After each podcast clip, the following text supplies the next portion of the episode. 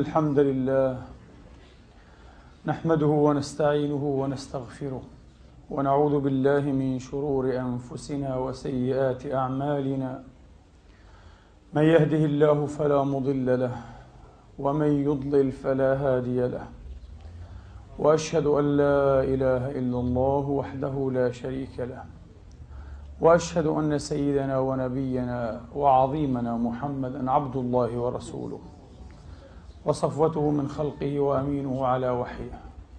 صلى الله تعالى عليه وعلى آله الطيبين الطاهرين وصحابته المباركين الميامين وأتباعهم بإحسان إلى يوم الدين وسلم تسليما كثيرا. عباد الله أوصيكم ونفسي الخاطئة بتقوى الله العظيم ولزوم طاعته. كما أحذركم وأحذر نفسي من عصيانه ومخالفة أمره. لقوله جل من قائل من عمل صالحا فلنفسه ومن أساء فعليها وما ربك بظلام للعبيد. ثم أما بعد أيها الإخوة المسلمون الأفاضل أيتها الأخوات المسلمات الفاضلات. يقول المولى الجليل سبحانه وتعالى في محكم التنزيل بعد أن أعوذ بالله من الشيطان الرجيم. بسم الله الرحمن الرحيم.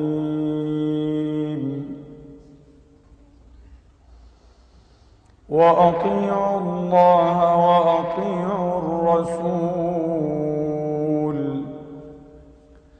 فإن تولوا فإنما عليه ما حمل وعليكم ما حملتم وإن تطيعوه تهتدوا وما على الرسول إلا البلاغ المبين وعد الله الذين آمنوا منكم وعملوا الصالحات ليستخلفنهم في الأرض ليستخلفنهم في الأرض كما استخلف الذين من قبلهم. وليمكنن لهم دينهم الذي ارتضى لهم وليبدلنهم وليبدلنهم من بعد خوفهم أمنا. يعبدونني لا يشركون بي شيئا. ومن كفر بعد ذلك فأولئك هم الفاسقون. وأقيموا الصلاة وآتوا الزكاة وأطيعوا الرسول لعلكم ترحمون. صدق الله العظيم وبلغ رسوله الكريم ونحن على ذلك من الشاهدين. اللهم اجعلنا من شهداء الحق القائمين بالقسط. آمين اللهم آمين. أيها الإخوة الأحباب أيتها الأخوات الفاضلات وعد الله الذين آمنوا منكم وعملوا الصالحات ليستخلفنهم في الأرض كما استخلف الذين من قبلهم. وليمكنن لهم دينهم الذي ارتضى لهم وليبدلنهم من بعد خوفهم أمنا. يعبدونني لا يشركون بي شيئا. ومن كفر بعد ذلك فأولئك هم الفاسقون. والله حقا وصدقا وفعلا منجز وعده وناصر جنده. لا يخلف الميعاد سبحانه وتعالى. ولو استقرينا تاريخنا الإسلامي أيها الإخوة على طوله والأخوات لو استقرينا هذا التاريخ على طوله وتشعب ما جرياته وكثرة أحداثه لوجدنا أن أظهر مصداق لهذه الآية. بعد رحيل رسول الله صلى الله عليه وآله وأصحابه وسلم تسليما كثيرا. أجلى وأصدق وأوضح مصداق لهذه الآية إنما تبدى في عهد الفاروق عمر رضي الله تعالى عنه وأرضاه. لا يستطيع من يحترم الحقيقة ويحترم التاريخ أيها الإخوة ويحترم نفسه إلا أن يخضع لهذه الحقيقة.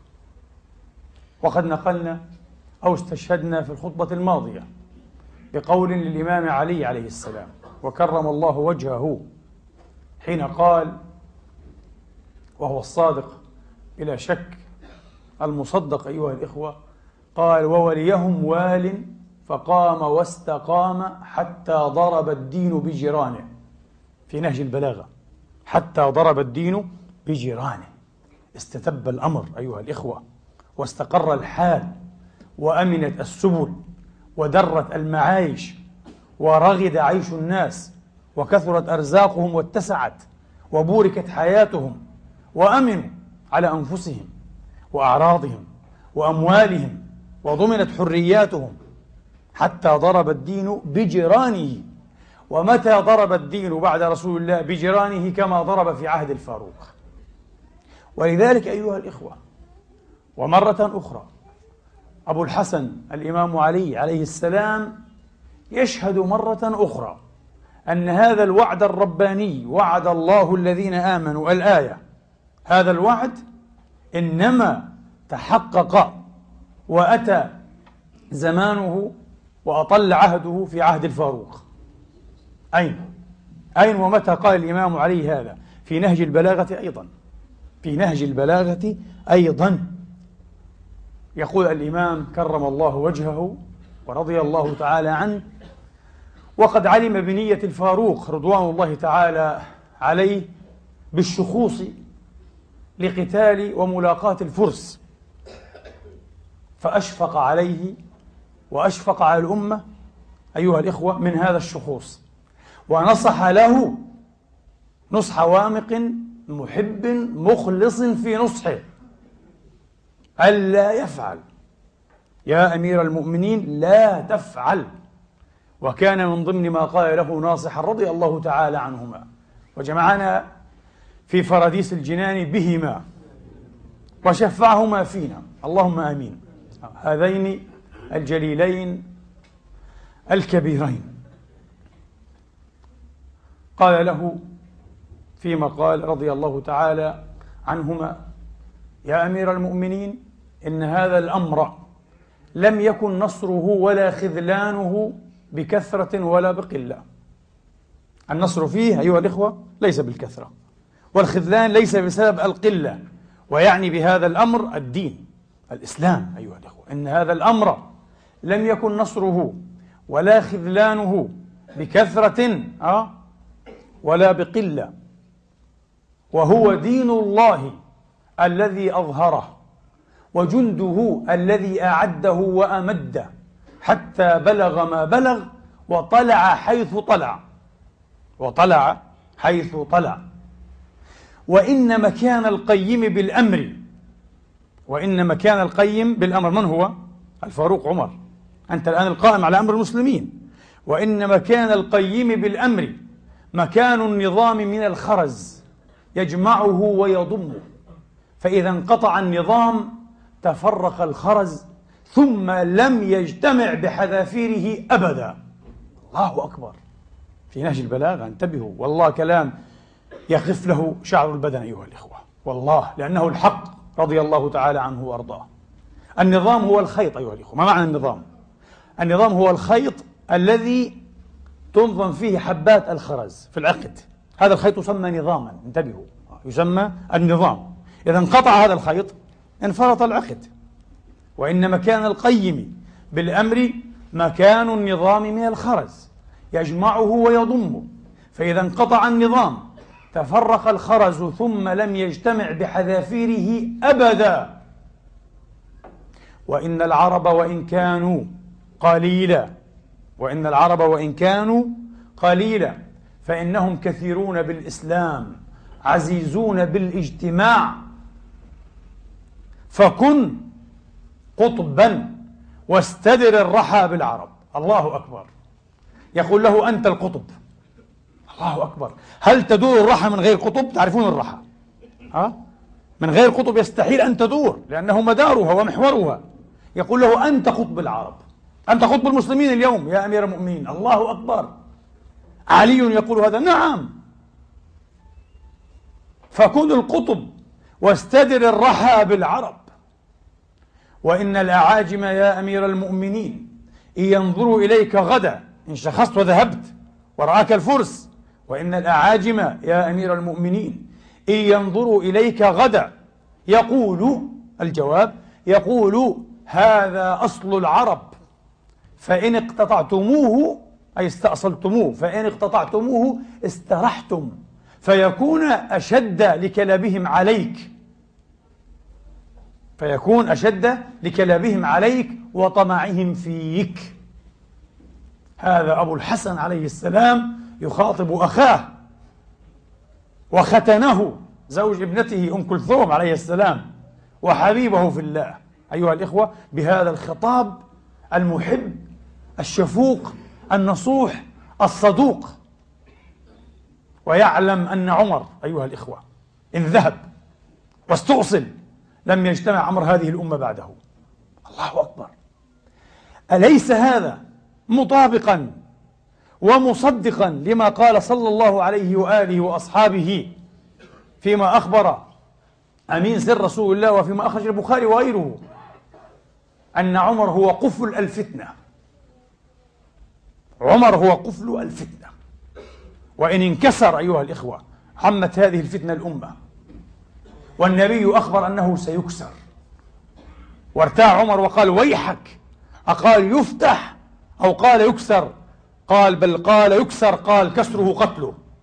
وعلم رضوان الله عن أنه مقتول.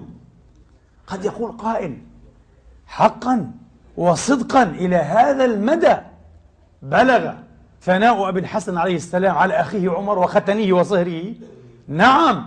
كيف لا؟ وهو القائل أيضا في نهج البلاغة. كل هذا من كلام الإمام علي في نهجه رضي الله تعالى عنه وأرضاه. لله بلاد فلان. العرب تقول لله بلاد فلان بمعنى إيه؟ لله دره. كما تقول لله أبوه. يعني طيب الله ثراه سقى الله إيه؟ أيامه. ها؟ لله بلاد فلان. والآن سترون من هو هذا الفلان. للأسف بعضهم لم يذكر اسمه. عز عليه. طبعا الإمام علي ذكر اسمه وقال لله بلاد عمر والشراح الكبار أيها الإخوة لم يجدوا بدا من أن يذعنوا بأنه إنما أراد عمر. يقول شارح النهج ابن أبي الحديد العلامة المعتزلي الكبير في أوسع الشروح. نعم. ابن ميثن البحراني أقر أيضا أن هذا الفلان هو عمر. نعم. وهذا شيعي إمامي رحمة الله عليه. ابن أبي الحديد يقول لله بلاد فلان رأيت بخط الشريف أبي الحسن الرضي جامع النهج. من الذي جمع نهج البلاغة؟ وصنفه كتابا الشريف الرضي أبو الحسن رضي الله عنه.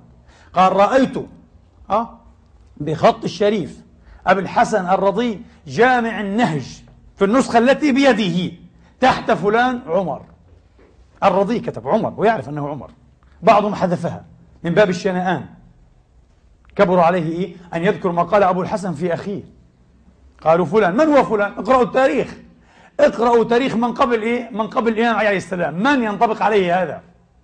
قال لله بلاد عمر إذا لله بلاد فلان. فقد قوم العمد. أقام العوج يعني. فقد قوم العمد. وداوى العمد. فقد قوى فقد قوم الأود عفوا. آه. وداوى العمد أي المرض والداء. نعم. وأقام السنة. أقام السنة. عمر لم يكن ضد محمد ولا ضد سنة محمد أبدا.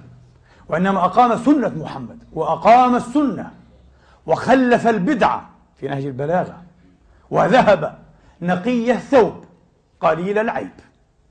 ذهب؟ ما أحسن هذه المدحة. وذهب نقي الثوب. آه. قليل العيب. أصاب خيرها. وخلف شرها.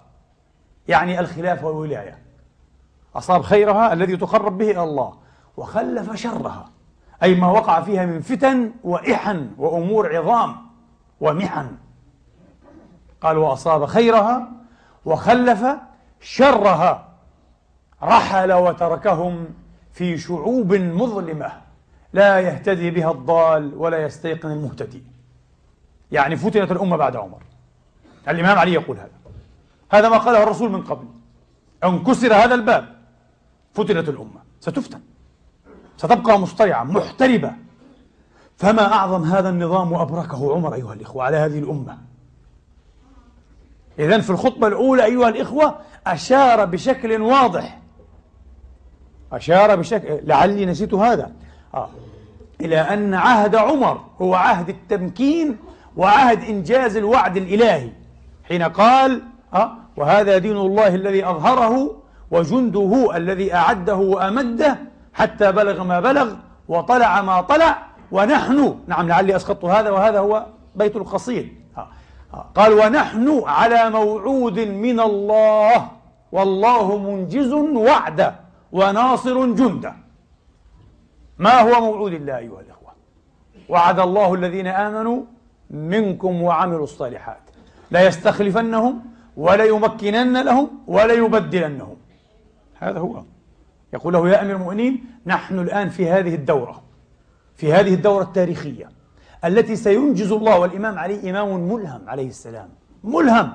يستشف الغيب من خلف ستر الرقيق لأنه الرباني العريق أيها الإخوة. الإمام علي. وكيف يشهد بهذا؟ يشهد بهذا على نور من ربه. يقول نحن الآن يا أمير المؤمنين في زمانك في مدتك في خلافتك في الوقت الذي أظل لإنجاز الله وعده لنا إن شاء الله تعالى. والله منجز وعده يقول. وناصر جنده. وانتصر عمر على كسرى وانتصر عمر على الروم أيها الإخوة. لم تفتح فتوحات أيها الإخوة كما فتحت في عهد عمر. أبدا.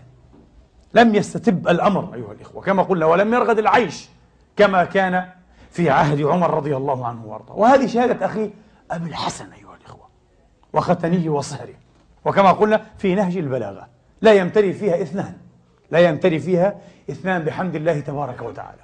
ولذلك أيها الإخوة ابن أبي الحديد نفسه تعجب في عهده قال سألت النقيب نقيب العلويين رئيس الأشراف العلويين جميعا ها؟ في العراق. قال سألت النقيب أبا جعفر ابن يحيى ابن أبي زيد العلوي. قلت له لله بلاد فلان قال عمر. قلت وأثنى عليه الأمير أمير المؤمنين عليه السلام؟ قال نعم. ما الذي تنكر؟ نعم هذا ثناء من علي على عمر. لأن الناس يظنون أن عليا يبغض عمر وعمر يكره عليا والنزاع بينهما على أشده. غير صحيح. غير صحيح. والله إنها لأفائك وعظائم. قد يختلفان.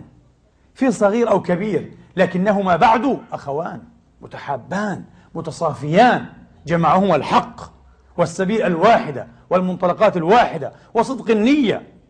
وليس من أراد الحق فأخطأه كمن أراد الباطل فأصابه كما يقول الإمام علي عليه السلام. قد يخطئ الإنسان الإنسان ليس معصوما في اجتهاده في أمر يصغر أو يكبر لكن إنما الأعمال بالنيات إنما الأعمال بالنيات أيها الإخوة.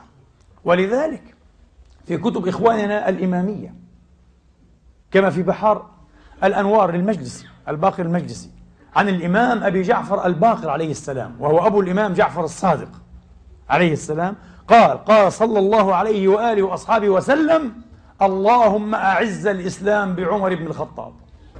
الإمام الباقر ينقل هذا عن رسول الله عن جد رسول الله. النبي دعا أن يعز صح الحديث أم لم يصح؟ وهو عندنا أيضا أهل السنة أيها الإخوة التاريخ يصحح معناه. ما عز الإسلام ما عز في زمان عمر. اقرأوا التاريخ. متى عز الإسلام؟ مثل لكم العز أيها الإخوة. أبدا. لم يحدث. لم يحدث. فعلا فهو العبقري الذي لا يفري أحد فريه كما قال النبي عليه الصلاة وأفضل السلام نعم. ولذلك أيها الإخوة يروي أئمة إخواننا الشيعة الكبار ابن بابويه القمي الإمام الطوسي وابن أبي الحديد شارح النهج والشريف المرتضى في شرف الإمامة وغيرهم وغيرهم أن الإمام عليا عليه السلام وكرم الله وجهه دخل على أخيه عمر بعدما طعن وقد كف وسجي في ثوبه رضوان الله عليه دخل عليه يودعه وقال أيها الإخوة كلمات واضحات صريحات صادقات. قال والله ما أحد أحب إلي من أن ألقى الله بصحيفته من هذا المسجى بين أظهركم. نعم وهذا صحيح في دواوين أهل السنة بحمد الله تعالى صحيح عندنا وموجود في هذه الدواوين وغيرها من دواوين إخواننا الشيعة الإمامية. موجود هنا وموجود هنا إلى هذه الدرجة من يغامر ويقول أنا أود أن ألقى الله بصحيفة فلان ألقى الله بعمل فلان لعلك غير واثق لا تقولها إلا وأنت واثق تمام الثقة من ماذا؟ من قبول إيه؟ عمله ورفعة درجته وصدق نيته وسلامة طويته وحسن مقصده صحيح؟ وجميل نهجه وسيرته وأحدوثته تكون متيقنا وإلا لا يمكن أن تغامر وتقول أنا أريد وأود وأحب أن ألقى الله بصحيفة فلان. يعني يتمنى مثل درجته وعمله. شيء غريب. قال هذا وكما ذكرناه لكم أيها الإخوة بهذه المصادر معزوا. شيء عجب. شيء غريب. كيف لا؟ هذا هو الحق الذي كان يجمعهما رضي الله تعالى عنهما وأرضاهما. فلقائل أن يقول ولسائل أن يسأل. إذا كان الأمر كذلك فلما كل هذا الاحتراب وهذا التضاغن والشنآن والكر والحقد والآن هذه الحروب الاقتتالات الدموية باسم عمر وعلي وهذا عمر وهذا علي أخوان متحابان متكاملان متصالحان تماما لم يكونا متخاصمين وليس بمتخاصمين إلا في أذهاننا في تصوراتنا. في الواقع وحقيقة الأمر لم يكون كذلك. بحمد الله تبارك وتعالى. أبدا. مستحيل أيها الإخوة. لكن لما هما متخاصمان؟ أنا أقول لكم بكلمة واحدة. بسبب آفتنا. نحن أمة أصابتها آفة ولا تزال تنخر في عظامها أيها الإخوة. آفة المطابقة. آفة التنافي. وما العلاقة بين المطابقة والتنافي؟ صدقوني. في نظري المطابقة هي التنافي. بعض الناس يقابل بين المطابقة والتنافي. يقول مطابقة في مقابل التنافي. كلا في نظري كل مطابقة هي تناف. لكن ليس كل تناف مطابقة. كيف؟ سأوضح هذا. وليس بصعب. آفتنا المطابقة أيها الإخوة كالتالي. نثبت أصلا. نقرر نموذجا. ثم نريد بعد من الجميع أن يتطابق معه. إن ضاق عنه أبيناه إن اتسع عنه كفرنا. نريد المطابقة. ونحن في عشقنا للمطابقة بمقدار ما نظن أننا نعشق الإثبات. نتشوف حقا إلى النفي وإلى الإقصاء. تعلمون لماذا؟ لأنه ما من أصيلين يتطابقان. الأصالة تأبى المطابقة. يستحيل. حين تكون أنت أصيلا في بابك وأنا أصيلا في بابي لا يمكن أن نتطابق. نتفق ولا نتطابق. لأن الأصالة تعني ماذا؟ التفرد. تعني التفرد التوحد الإبداع. هذا معنى الأصالة. عكس الأصالة ماذا أيها الأخوة؟ الزيف والتقليد والمرآوية. الزيف والمرآوية. أن تكون صورة مرآوية. ولا يمكن أن تكون مرآويا إلا وأنت صورة. ظلال فقط انعكاسات. ليس لك وجود حقيقي شاخص. ليس لك وجود حقيقي شاخص. فالذي يطلب المطابقة التامة أيها الإخوة إنما يؤكد نفي كل ما عدا النموذج بالكامل.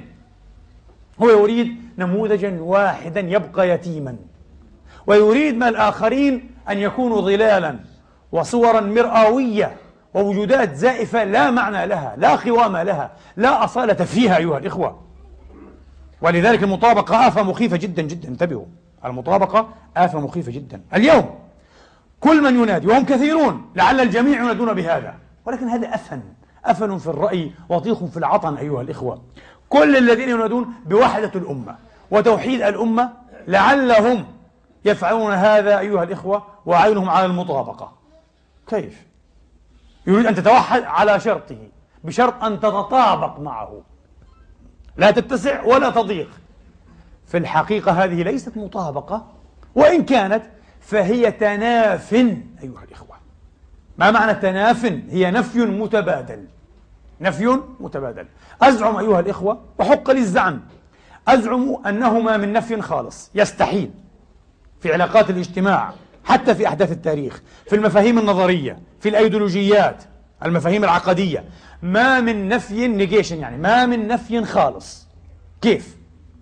النفي دائما يستدعي إيه؟ نفيا متبادلا. نفيا بالإزاء. فيغدو كل نفي تنافيا. ما من نفي خالص. ما من نفي خالص. حتى في الطبيعيات حتى في الحسيات. فأنت الآن حين تنفي شيئا تبعده وتقصيه أه؟ وتجعله كأنه غير موجود أمامك. شيئا كان أو شخصا. فإن كان شخصا فأنت بنفيه وإبعاده وإقصائه حتى كأنه لم يوجد ولا يحق له الوجود إنما تغامر بجعل ذاتك أيضا منفية في منظوره. هو من موقع إقصائه لن يراك أيضا لن يراك أنت غير موجود. وهكذا مباشرة يتولد التنافي أي النفي المتبادل من النفي. فما من نفي خالص. ما من نفي خالص. على الذين يعشقون النفي أيها الإخوة أن يدركوا أنهم أنهم مأفونون بآفة التنافي وأنهم يغامرون بمستقبلهم هم وبحرياتهم هم. حين تفكرت أيها الإخوة وكل من تفكر طويلا وعميقا رأى من وجوه التشابه أي ما يعرف بالمشابه. رأى من المشابه ورأى من الجوامع بين علي وعمر الشيء العجيب. أنا شخصيا لم أرى بين شخصيتين في تاريخ الإسلام من المشابه كما رأيت بين علي وعمر. ما رأيكم؟ لم أرى حتى بين أبي بكر وعمر كما رأيت بين علي وعمر. صدقوني. لا أقول هذا ها وأنا يعني إيه أغامر بكلام لا أدري ما الذي أخرجه من رأسي على لساني؟ بالعكس أعلم تماما ماذا أقول. صدقوني الروح العمرية في حقيقتها هي الروح العلوية. نفس الشيء مشابه عجيبة جدا جدا جدا. ليس فقط العدل العدل العجيب الذي ميز الشخصيتين. ليس الزهد والمتربة التي ميزت ووسمت الشخصيتين بميسمها أيها الإخوة. أه؟ أبدا. ليس الشدة في الحق على الأقارب والذوين والأقربين. من الأبناء أيها الإخوة. فمن دون ومن بعد في الشخصيتين. أكثر من هذا؟ أكثر من هذا أيها الإخوة. الإمساك بالوسط الذهبي. الإمساك بالخيط الذهبي. الضامن. الضامن لثنائية الأمن والحرية. في عهد عمر كما في عهد علي المحروب والمكروب والذي تألب عليه كل كلب أيها الإخوة. في عهد هذا وفي عهد هذا رضي الله تعالى عنهما الاثنان ضرب أروع الأمثال. أروع الأمثال بإقرار هذه الثنائية العزيزة والعزيزة جدا. فعمر بن الخطاب رضي الله تعالى عنه وأرضاه يطلب أن تصنع له رحى. فيقول له الذي قتله العبد يقول له لأصنعنك لأصنعن لك رحى لا يزال الناس يتحدثون بها. ويمضي عمر. فيقول له علي عليه السلام يا أمير المؤمنين لقد تهددك العبد. هو لم يعدك بأن يصنع لك راحة حقيقية يريد أن يقتلك. نعم وهكذا كان بعد أسبوع واحد طعن عمر في المسجد وهو يصلي صلاة الفجر. إن قرآن الفجر كان مشهودا. وعلى فكرة هنا نفتح قوسين.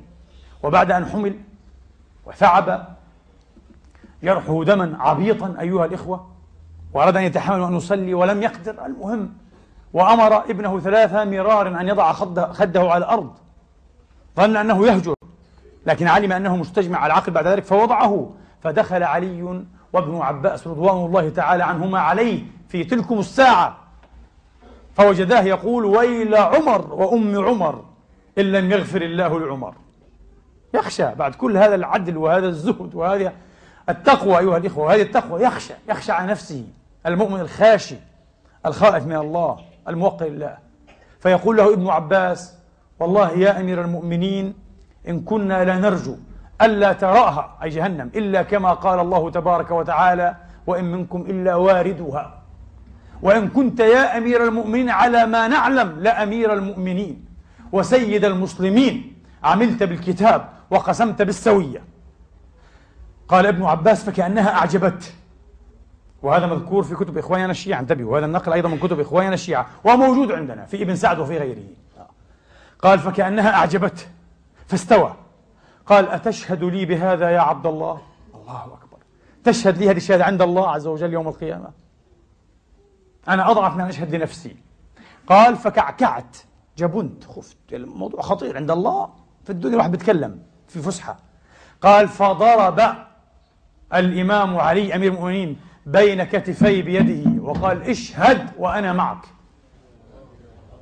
اشهد. لماذا تكع؟ هذا عمر ويلك. عمر. ولذلك قال بعضهم أهل بيت سوء كل من لم يجدوا فخد عمر. بعدما قتل كل بيت لم يحس بالنقص في كل شيء بقتل عمر أهل بيت سوء هؤلاء. في إيمانهم وإسلامهم دغل عمر. عمر الذي أريد أن يصور على أن بني أمية امتداد له. قرأت هذا لشيوعيين أيها الإخوة. ملاحدة. لا يؤمنون بالله العظيم ولا بنبيه الكريم. عمر أراد أن يمهد لبني أمية. أين بنو أمية من عمر وأين عمر منهم؟ هل عمر يلتقي بيزيد؟ هل يزيد ابن معاوية وعبد الملك وأمثال هؤلاء أيها الإخوة امتداد لابن الخطاب؟ والله والله لا يجتمع عمر ويزيد إلا في ذهن مأفون إلا بالأفائك. واختلاق الأفائك لا يمكن له أن يخدم الحقائق أيها الإخوة أبدا وإنما يخدم البواطيل هذه أفائك لا معنى لها. كيف يمكن أن يكون بنو أمية امتدادا لعمر وابن كثير؟ والطبري يرويان في تاريخيهما أن عبد الملك ابن مروان أيها الإخوة أمر أمرا رسميا كما نقول مرسوم ميلي يعني حكومي رسمي خلافي على أعلى مستوى. منع بمقتضاه الخطباء والقصاص أن يذكروا الناس بأيام عمر. نعم عبد الملك امتداد عمر. هل تعلمون لماذا سمم عمر ابن عبد العزيز؟ لنزعته العمرية. كان أكثر ما يكره منه وفيه بنو أمية نزعته العمرية. يكرهون اسم عمر وذكر عمر لأن عمر يمثل العدل أيها الإخوة. عمر يمثل العدل يمثل عشق الحق والحقيقة. يروي إخوان الإمامية في كتبهم أن عمر قال للحسين عليه السلام الحسين ابن علي قال له يا ابن أخي ائتني اليوم أحتاجك في أمر ائتني. فقصده الإمام الحسين عشية. فألفى في الطريق عبد الله ابن عمر قال من أين؟ قال ذهبت لأستأذن على أبي فلم يؤذن لي عليه. قال هذا ابنه لم يؤذن له قال فرجعت. فلقيه عمر من الغد فقال يا ابن أخي لما لم تأتني البارحة؟ قال يا أمير بلى قد أتيتك ولكنني رأيت ابنك عبد الله فقال لي كذا وكذا. فرجعت. قال وأنت عندي مثله؟ تظن نفسك بمكانة إيه؟ عبد الله؟ أنت أرفع بكثير. من هو عبد الله هذا؟ الله أكبر. إلى هذه الدرجة يوقر أهل البيت ويحب أهل البيت. قال وأنت عندي مثله؟ وهل أنبت الشعر في رؤوسنا إلا أنتم؟ أنتم تيجاننا يقول له. للحسين أنتم تيجاننا. أنتم أعلام رؤوسنا. أكثر من هذا يا إخواني. في مصادر السنة كما في مصادر إخواننا الشيعة وفي تاريخ اليعقوبي وهو يتشيع بلا شك. أيها الإخوة هكذا. لما دون عمر الديوان وأراد أن يقسم للناس أعطياتهم فقال أبدأ بالناس على منازلهم. الله أكبر. لم يبدأ بنفسه. قال أبدأ بالناس على شرفهم ومنازلهم وسابقتهم في الإسلام ومكانتهم عند الله ورسوله. فقاله عبد الرحمن بن عوف يبدأ أمير المؤمنين بنفسه. قال لا ضعوا عمر حيث وضعه الله. أنزلوه منزلته. من هو عمر؟ تعرفون بدأ بمن؟ بدأ ببني عبد مناف وبدأ بأول بطونهم وأشرفها ببني هاشم ومنهم بدأ بالإمام علي عليه السلام وبالحسنين. ما رأيكم في التاريخ هذا؟ عند الشيعة والسنة يا أخي. لما لا يقال هذا للناس؟ لما لا يبعث هذا التاريخ الصحيح للناس؟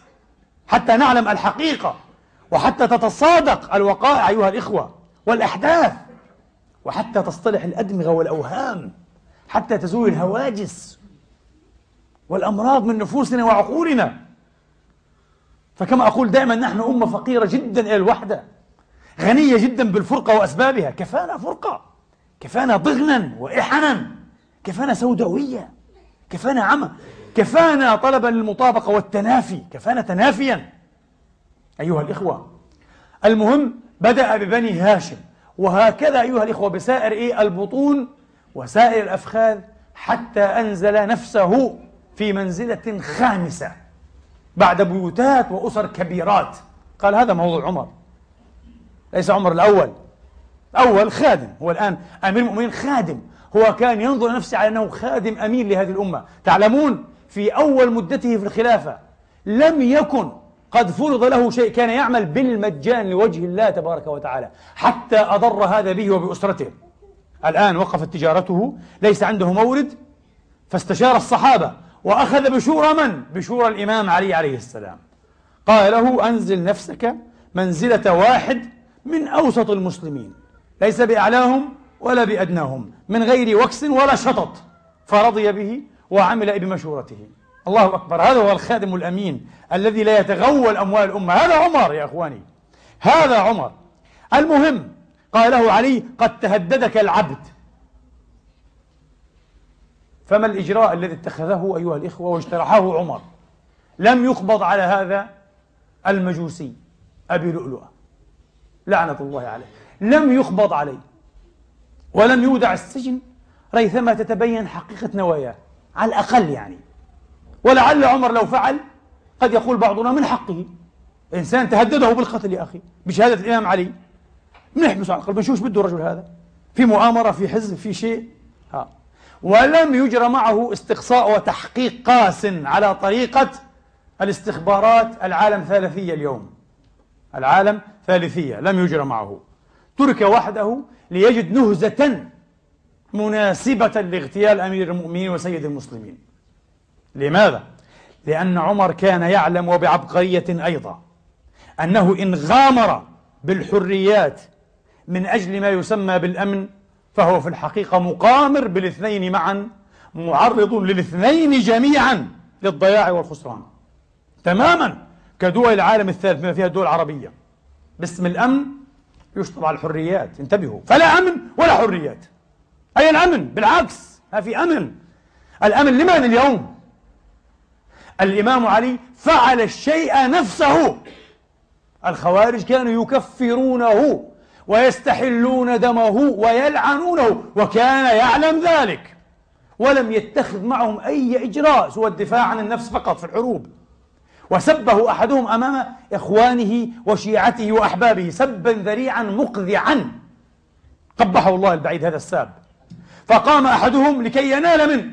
قال خلي عنه إنما هو سب بسب أو عفو عن ذنب. أنا واحد منكم مثلكم حتى لو سبني يعني لا يقتل لأنه سبني. فالآن يأتيك هؤلاء الذين لا أدري بما أصفهم. حقيقة منا أيضا من أهل السنة يقول لك ساب الصحابة كافر. الكلام الفارغ. الإيمان بالصحابة هكذا يعني من أصول الإيمان. لو إنسان وقع في صحابي حتى وإن أخطأ كافر من أين لكم هذا الكلام الفارغ؟ كلام فارغ على فكرة. وكل أدلتهم وأنا لا أغامر أنا أراهن وأتحدى. كل أدلتهم فارغة. والله العظيم. ومخالفة لمنصوص الفقهاء العظام.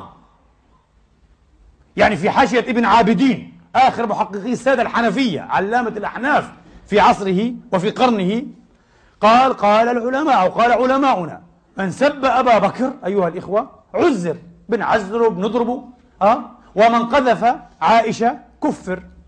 لأن من سب أبا بكر سب شخصا جليلا عظيما نعم بنعزله بنبهدله بنضربه كذا لكن مش كافر لا نقطع رأسه. لكن من قذف عائشة كذب القرآن لذلك هو كافر لأنه كذب القرآن القرآن براها. وأنت تتهمها فأنت كافر. ليس لأنها عائشة بل لهذه القضية انتبهوا. وعائشة تبقى عائشة رضي الله عنها وأرضاها. وعي في وعي حقيقي في إنصاف الحقائق. ما في تهويش وعصبيات. ولذلك هذه الطريقة أيها الإخوة في التنافي وطلب المطابقة البلهاء الحمقاء الغبية.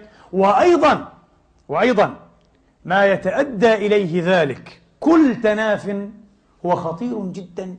لأنه يتأدى بأصحابه وبأهله وبعشاقه الحوار المسلح إن جاز أن يسمى أي حوارا. الحوار الأحمر الدموي. وقد قلنا مرة وأعود أذكر في آخر الخطبة بما قلت لأنه كلام حقيق أن يذكر به. أيها الإخوة يوم تجد هذه الخطة السوء طريقها في الأمة وتتنفس من رئتين مسمومتين مدغولتين في الأمة في أجنحة الأمة. لن يبقى أحد معصوما. لا أنا ولا أنت ولا هو ولا هي ولا ذاك. لا أحد. مهما حاولت مهما اجتهدت لن تبقى عصمة لأحد. الكل سيغدو معرضا للإفناء والاستئصال. تعلمون لماذا؟ لأن عليا لم يشكل استثناء. الله أكبر.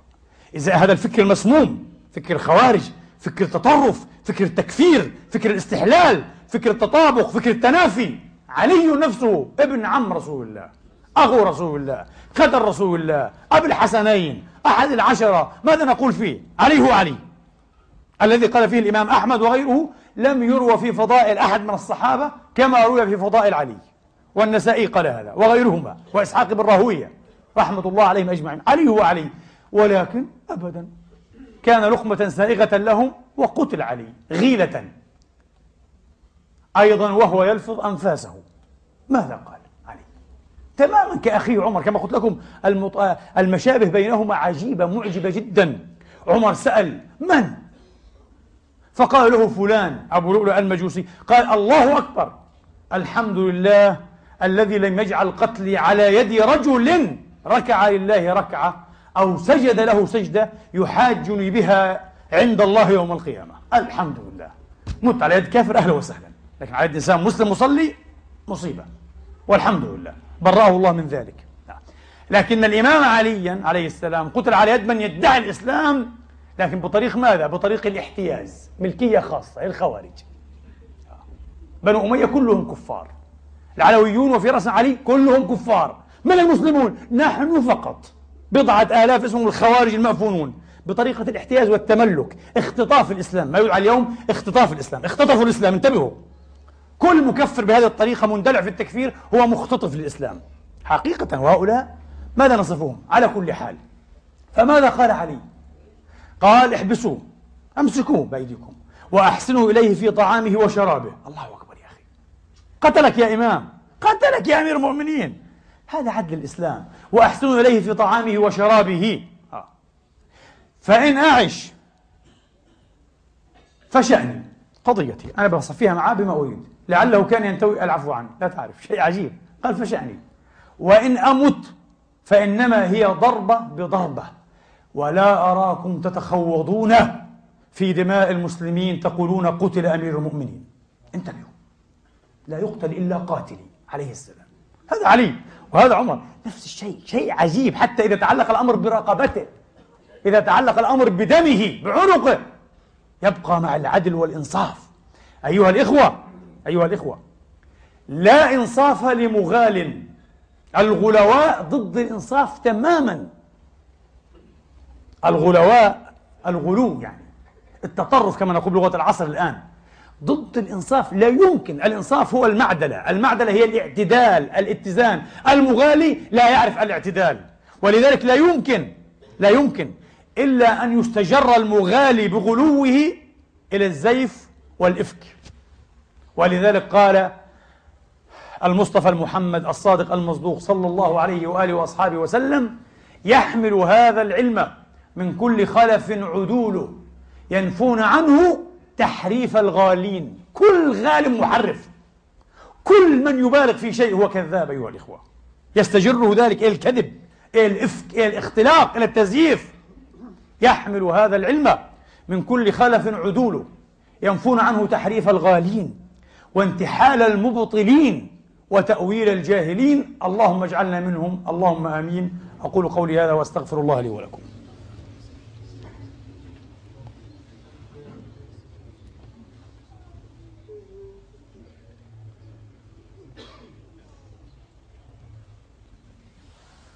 الحمد لله رب العالمين الحمد لله الذي يقبل التوبة عن عباده ويعفو عن السيئات ويعلم ما تفعلون. ويستجيب الذين آمنوا وعملوا الصالحات ويزيدهم من فضله والكافرون لهم عذاب شديد. وأشهد أن لا إله إلا الله وحده لا شريك له وأشهد أن سيدنا محمدا عبده ورسوله. صلى الله تعالى عليه وعلى آله وأصحابه وسلم تسليما كثيرا. أما بعد أيها الإخوة والأخوات في الجمعة الماضية منصرفي من هذه الخطبة أو من مقام هذه الخطبة أو مثلها سألتني بنيتي يا أبت عما كانت الخطبة؟ فسررت بهذا السؤال وجدته مرتاحا أن أجيب. قلت كانت عن أصحاب رسول الله وأهل البيت والمودة والمحبة التي كانت تجمعهم وارتحت جدا. وقلت يا خيبة لمن يعطي صورة معاكسة؟ لو سألته ابنته أيها الإخوة أو ابنه الصغير. وقال كانت خطبتي أو درسي أو وعظي أو تأليفي عن أصحاب رسول الله وأهل بيته وكيف كانوا متعادين متباغضين متناحرين متلاعنين. ما هو السم الذي سيسري في نفس هذه البنت الصغيرة البريئة أيها الإخوة؟ ما هو السم؟ ما هو العقم؟ ما هو الكر؟ والأحقاد التي ستزرع؟ ثم كيف ستستأصل؟ إن جاز لك أن تستأصل شأفة الشك من هذه النفس الغضة الطرية البارئة الطاهرة الصغيرة. حين تقول لنفسها إن رب أسرة يكون أولاده متحاربين لفاشل لا مرب فاشل وقطعا هو ناقص ومقصر. فلما يكون محمد استثناء محمد لم ينجح في أسرة الداخلية. فشل أن يؤلف أسرة واحدة موحدة أيوة من أقرب المقربين إليه من ذوي قراباته وأصحابه الأدنين ها الأقربين. فشل. طبعا فشل. قطعا هو فشل. هذا سيبعث على الشك أيها الإخوة.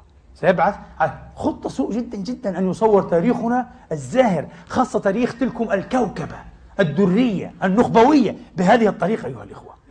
ولذلك نسأل الله تبارك وتعالى أن يبيض وجوهنا وغررنا وصحائفنا وقلوبنا وألسنتنا بذكر محاب هؤلاء وتواد هؤلاء وتكامل أولئكم. اللهم أمين. اللهم منهج بنا نهجهم واسلك بنا سبيلهم وخط بنا خطتهم يا رب العالمين. ربنا اغفر لنا ولإخواننا الذين سبقونا بالإيمان ولا تجعل في قلوبنا غلا للذين آمنوا. ربنا إنك رؤوف رحيم.